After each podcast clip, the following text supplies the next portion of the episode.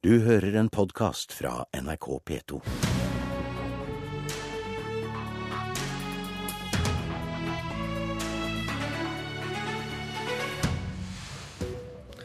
Var de store CO2-utslippene for å fly folk fram og tilbake til Lima til ingen nytte?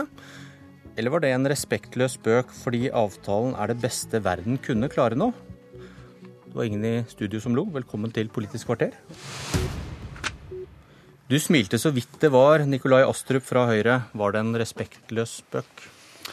Jeg tror det er viktigere at verden møtes enn at verden ikke møtes eh, når vi skal diskutere en av de største utfordringene vi står overfor. Og jeg mener at det er positivt at man har klart å bli enige om eh, noen viktige byggeklosser eh, frem mot en endelig avtale i Paris neste år.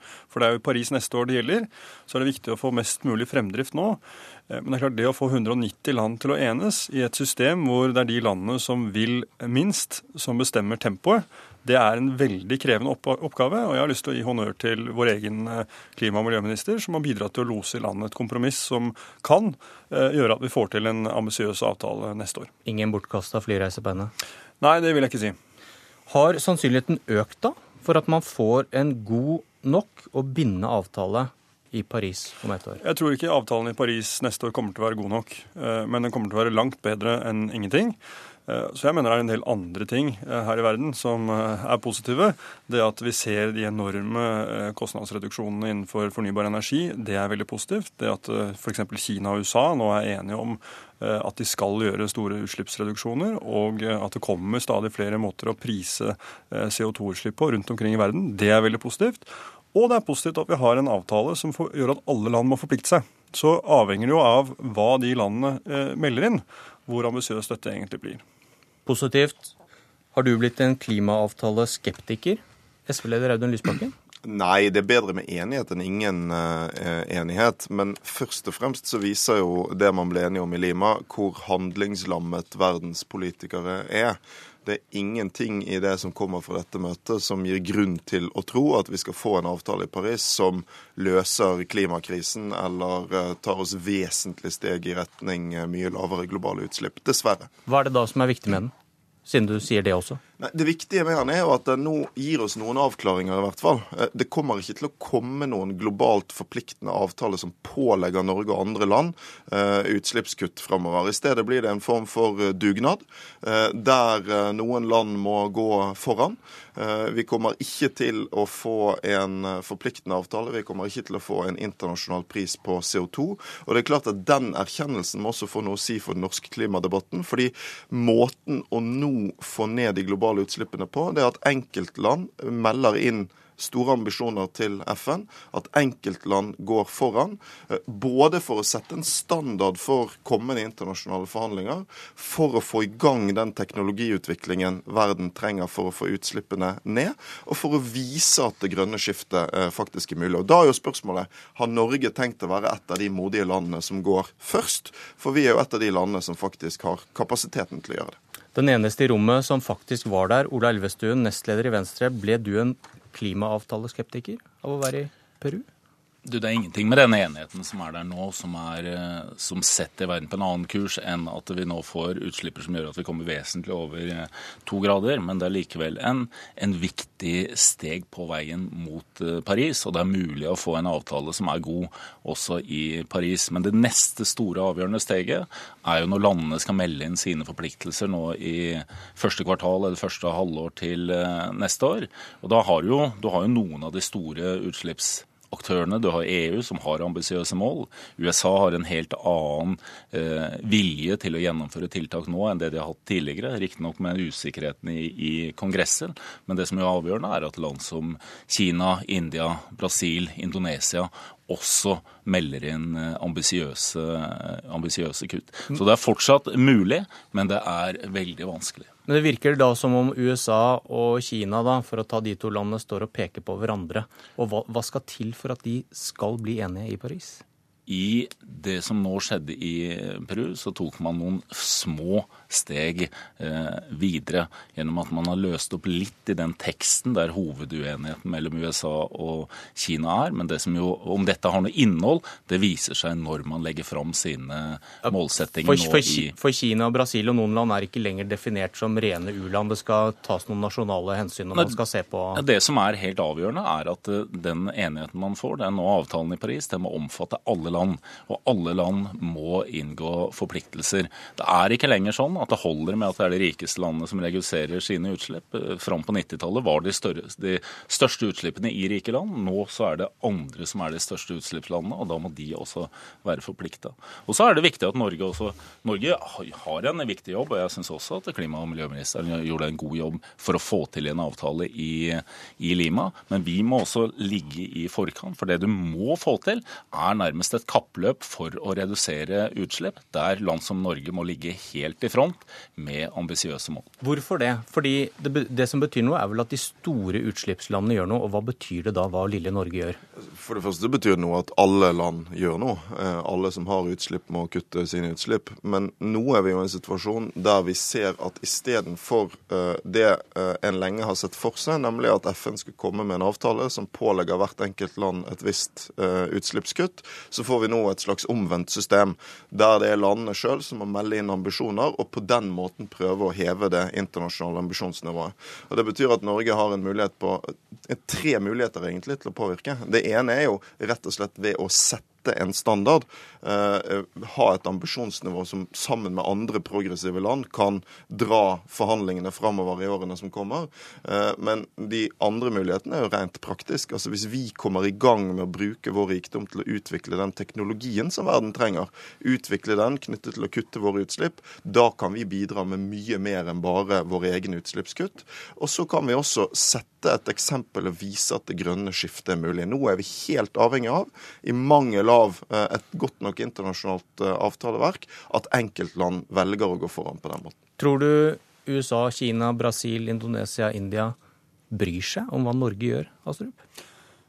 Altså, Norge er et lite land i en stor verden, og for de globale utslippsreduksjonene så har det jo veldig lite å si hva Norge gjør. Men det er likevel viktig, der er jeg enig med Audun Lysbakken, eh, fordi Norge har teknologi, kompetanse og kapital til å vise at det er mulig å kombinere høy levestandard med lave utslipp. Og hvis ikke Norge klarer det, hvordan skal da resten av verden klare det? I tillegg så tror jeg at dette handler om Norges konkurranseevne. Vi er nødt til å ligge i forkant. Eh, vi er, nødt til å, vi er et høykostland. Vi, ikke, vi, må være grønnest, også fordi det er eh, det mest fornuftige for, for, fremtiden.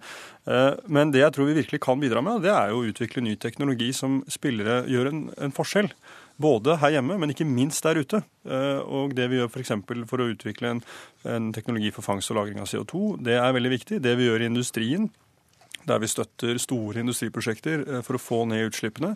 Eh, I Norge vet vi at vi har kuttet utslippene med 40% fra industrien allerede siden 1990, samtidig som eh, produksjonen er doblet. Og Det er jo den type teknologi også resten av verden må ta i bruk. Så Der kan vi gjøre en forskjell, og det bør vi gjøre. Og Hvis ikke vi klarer å redusere utslippene her hjemme, hvordan skal vi da forvente at andre skal klare det med mye dårligere ressurstilgang enn det vi har? Det Norge gjør, har en betydning. Det har vi vist internasjonalt, særlig med regnskogsatsing og bevaring av regnskog, hvor jo Norge på mange måter har gått eh, foran. Fått til avtaler med, med, store land med mye skog, enten det er Brasil eller det er, eh, det er Indonesia, Peru. Colombia, Ecuador nå det siste, og der også andre land følger etter innenfor den samme modellen, sånn at du får større, du får større trykk. Og Så er det jo det samme vi må gjøre her. Du må drive fram en teknologisk utvikling. Du må drive fram og vise at det er mulig å få til et skifte. Vi har vist det når det gjelder transportsektoren. Den elbilsatsingen som du har i, i Norge. Dette, dette, dette, må du få til i en mye større skala enn det vi har nå. Men det er eksempel på eksempel hvor det er mulig å gå foran, og også der andre kan lære av det det vi gjør, akkurat som vi må lære av andre land. som Ok, Dere er enige om at Norge, Norge betyr noe, alle tre. Men Audun Lysbakken, da kommer spørsmålet hva skal Norge gjøre? Og hva slags mål skal Norge ha? Da skjønner jeg jeg har sett kopi av et brev som du har sendt, men ikke til alle i rommet? Nei. Jeg, den debatten vi nå skal ha uh, på nyåret om hva som skal være Norges uh, klimamål for 2030, blir uhyre viktig. Uh, og med mangelen på en forpliktende internasjonal avtale, så blir det vi gjør, enda viktigere. Eh, det handler både om hva slags mål vi skal sette oss, men også om hvordan vi skal innrette de målene. Hvor mye skal vi ta innenlands, hvor mye skal vi ta utenlands? Eh, I hvor stor grad skal Norge bidra til en rettferdig klimaløsning, der vi sier at de rike landene har et historisk ansvar osv. Og jeg mener at i den norske miljødebatten de siste årene så har eh, miljøpartiene, de som har vært mest progressive i klimaspørsmål, vært for dårlige til å samarbeide. Det er SV, det er sentrumspartiene, det er Miljøpartiet De Grønne. Mens de tre store partiene, Arbeiderpartiet, Høyre og Fremskrittspartiet, har vært de som har holdt igjen. Eh, og Derfor så sendte jeg et brev for helgen når vi begynte å se hvordan det ville gå i Lima, til eh, partilederne i de andre miljøpartiene, Trine Skei Grande bl.a., for å invitere til felles diskusjon om hvor de norske klimamålene bør ligge, hva som er en rettferdig løsning, sånn at vi også kan etablere et felles press mot de store partiene for at Norge skal nå kunne bli et ambisiøst og progressivt land i den uh, internasjonale klimarunden vi, vi, går inn i. Det ville være noe nytt, istedenfor at vi krangler uh, oss imellom, at vi klarer å løfte i flokk. og Det tror jeg veldig mange som er opptatt av miljø, vil sette pris på. Det høres ut som noe du bare sender for å plage dem, så du kan si at dere ville ikke være med, fordi du vet jo at de sitter og samarbeider på borgerlig side med en avtale i bånn. Men jeg kan ikke se at det er noen ting i den avtalen som skulle hindre de i å gå inn i en diskusjon med oss om uh, hva som kunne være en felles holdning fra de grønneste partiene rundt uh, klimamålene. Så hvis Eh, svaret på det skulle være at avtalen hindrer de i det, så, så vil jo det overraske meg. Jeg, det er tvert imot sånn at jeg, jeg, tror vi ville vært veldig godt tjent med å jobbe mer sammen, vi som mener omtrent det samme, sånn som Venstre og SV f.eks. mener om klimapolitikken. Så det er en veldig ærlig og oppriktig invitasjon til, til det. Da skal du få svar. Ola Elvestuen. Eh, ja, Det er ikke noe problem å, å, se på hvordan skaffer du flertall for et ambisiøst mål på, på, Stortinget. Problemet er jo at eh, SV og Venstre til sammen har 16 representanter. Så vi må jo se videre for å få dette til. Dere er avhengig av de store partiene og samarbeide med dem?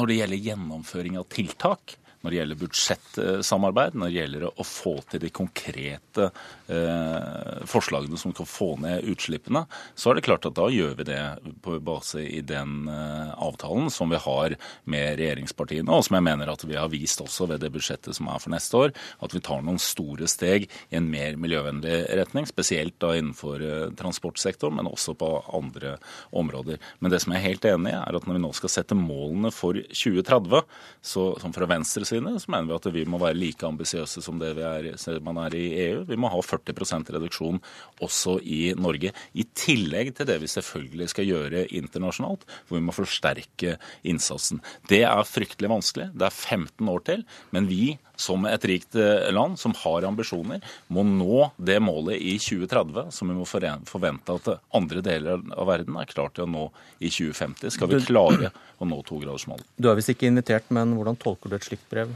Astrup? Nei, det er jo flott at eh, SV ønsker resultater i klimapolitikken. Eh, det taktskiftet i klimapolitikken det er vi allerede i gang med, med en ny regjering i samarbeid med Venstre og Kristelig Folkeparti. Jeg satt selv og forhandlet klimaforlik i Stortinget da SV satt i regjering. Eh, og det var ingen tvil om hvem som ledet an. Det var den daværende opposisjonen, og hvem som var bremsekloss. Det var den daværende regjeringen. Hvordan tolker du da et slikt brev? Så, nei, jeg tenker at nå er SV fri til å mene hva de vil, og det gjør de. Men det er altså på den andre siden av den politiske midtstreken at vi får resultater, og at vi er i gang med det politiske eh, taktskiftet i klimapolitikken. og Det, eh, det mener jeg er veldig eh, positivt.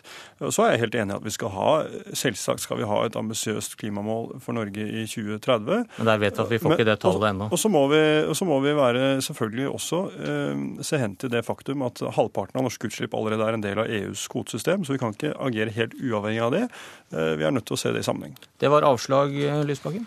Altså, Avslag fra Astrup er jeg jo ikke så overrasket over. Han var jo for så vidt heller ikke invitert. Eh, og, men, og, men, bare for å understreke det, sånn vi kommer ikke utenom de store partiene når det gjelder å få til noe til slutt. Spørsmålet er om ikke miljøpartiene kan klare å jobbe bedre for å presse de store partiene. Det Astrup kommer på slutten her, er jo bare retorikk. Altså Alle som er opptatt av miljø, ser jo at denne regjeringen er på en kurs som ikke løser problemene. Eh, har en statsminister som er kronisk uopptatt av miljø osv. Men la nå det ligge, for det var ikke poenget. Det var ikke langt bedre resultater enn det var dere ikke- hadde. Det var ikke poenget. hvis Det- vi er så dårlige, hva sier dere om deres Nå har jeg ordet, Astrup. Du er alltid mer opptatt av å snakke om forrige regjering enn om din egen. Det skjønner jeg godt, for den gjør ingenting. Det som er, det som er poenget nå, er jo at nettopp fordi det er sånn, fordi vi i den rød-grønne regjeringen måtte kjempe med et Arbeiderparti som var for lite frampå i klimapolitikken, fordi Venstre må kjempe med et Høyre som er for lite frampå i klimapolitikken, så bør vi jobbe mer sammen på tvers av blokkene for å presse de store partiene. Nei, Vi syns jo at vi har gode resultater på borgerlig side. Grunnlaget for den eh, ekstra satsingen vi har, er den avtalen som vi har fra i fjor. Men dette må forsterkes og gjøres mye Og kraftigere i åra I motsetning til i Peru så har vi ingen overtid i Politisk kvarter. Klokken blir straks åtte. Jeg heter, politi jeg heter Bjørn Myklebust. Du har hørt en podkast fra NRK P2.